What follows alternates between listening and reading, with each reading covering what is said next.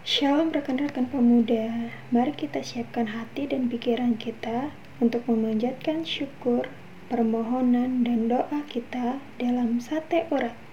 Saat teduh pemuda Batra Hayat. Untuk itu, sebelum kita memulainya, marilah kita bersatu di dalam doa. Mari kita berdoa. Ya Allah Bapa yang bertata dalam kerajaan surga, segala puji dan syukur kami panjatkan kehadiranmu yang kudus. Terima kasih atas penyataanmu sepanjang tidur malam kami. Terima kasih atas nafas kehidupan, kesehatan, dan kekuatan yang masih engkau berikan kepada kami. Untuk itu ya Tuhan, kami ingin memuji dan memuliakan namamu, karena engkau adalah Tuhan dan Raja kami. Terima kasih ya Tuhan, karena segala yang telah Engkau lakukan dalam hidup kami sungguh luar biasa. Kami tahu sampai selama-lamanya kami tidak mampu untuk membalas budimu. Maka dari itu, yang bisa kami lakukan ialah memuji dan memuliakan namamu. Pujian dan penyembahan hanya kami tujukan kepadamu, Tuhan. Ya Tuhan, berkati anak-anakmu ini, sayangi setiap dombamu ini, kuatkan yang lemah, hiburlah yang sedih. Tuhan, mari belai setiap kami dengan sabdamu, berikan kami hati dan pikiran untuk mengerti dan memahami kebenaran sabdamu hari ini. Terima kasih Tuhan. Amin. Rekan-rekan pemuda, tema sate urat saat ini ialah taatmu pasti manfaat bagimu. Dengan pesan emasnya yaitu sebab hidup ini bukan hak kita lagi. Yang kita lakukan hanyalah yang Tuhan ingini. Selanjutnya mari kita membacakan firman Tuhan yang diambil di dalam kitab keluaran 16 ayat 21 sampai 24 Beginilah firman Tuhan. Setiap pagi mereka memungutnya tiap-tiap orang menurut keperluannya. Tetapi ketika matahari panas, cairlah itu. Dan pada hari yang keenam, mereka memungut roti itu dua kali lipat banyaknya. Dua gomer untuk tiap-tiap orang dan datanglah semua pemimpin jamaah memberitahukannya kepada Musa. Lalu berkatalah Musa kepada mereka, Inilah yang dimaksudkan Tuhan.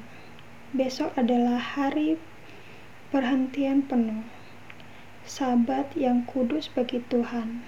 Maka roti yang perlu kamu bakar, bakarlah. Dan apa yang perlu kamu masak, masaklah. Dan segala kelebihannya biarkanlah di tempatnya untuk disimpan sampai pagi. Mereka membiarkannya di tempatnya sampai keesokan harinya, seperti yang diperintahkan Musa. Lalu tidaklah berbau busuk dan tidak ada ulat di dalamnya. Demikian firman Tuhan.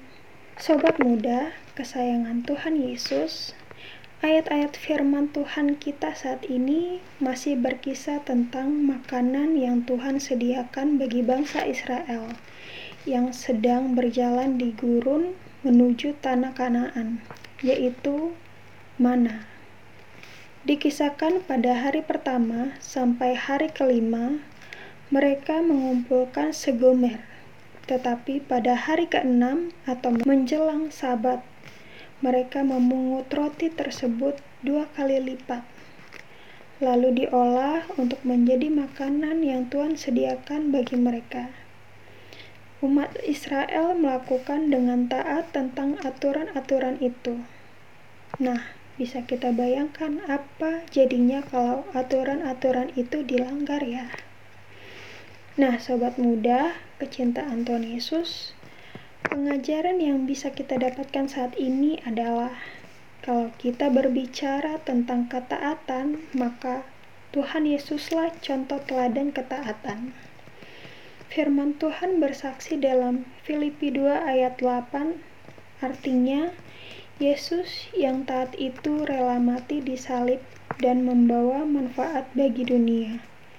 Mari kita pun menjadi pemuda-pemudi yang taat, patuh pada perintah Tuhan, Bapa kita. Pasti kita akan merasakan manfaatnya. Ada sebuah ilustrasi. Seorang anak kecil dan ayahnya sedang menikmati sore hari di sebuah taman.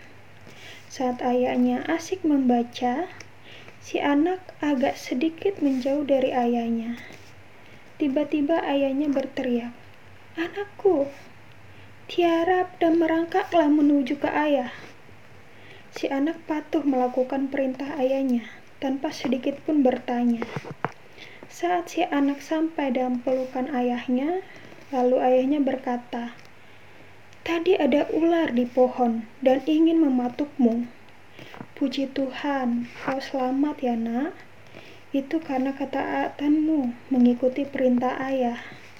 Coba kalau tidak, pasti kau sudah dipatuk oleh ular berbisa tadi, dan kau bisa mati. Jadi sobat muda, siapa yang taat, dia yang akan merasakan manfaatnya. Demikian cerita firman Tuhan pada hari ini. Dan kita akan tutup dalam doa. Ya Tuhan, Bimbinglah kami untuk menjadi pemuda yang selalu dengar-dengaran akan firman Tuhan. Tuntunlah kami untuk mengerti apa yang Engkau ingini dalam hidup kami. Jadikanlah kami selalu taat dan berkenan di hadapan-Mu. Amin.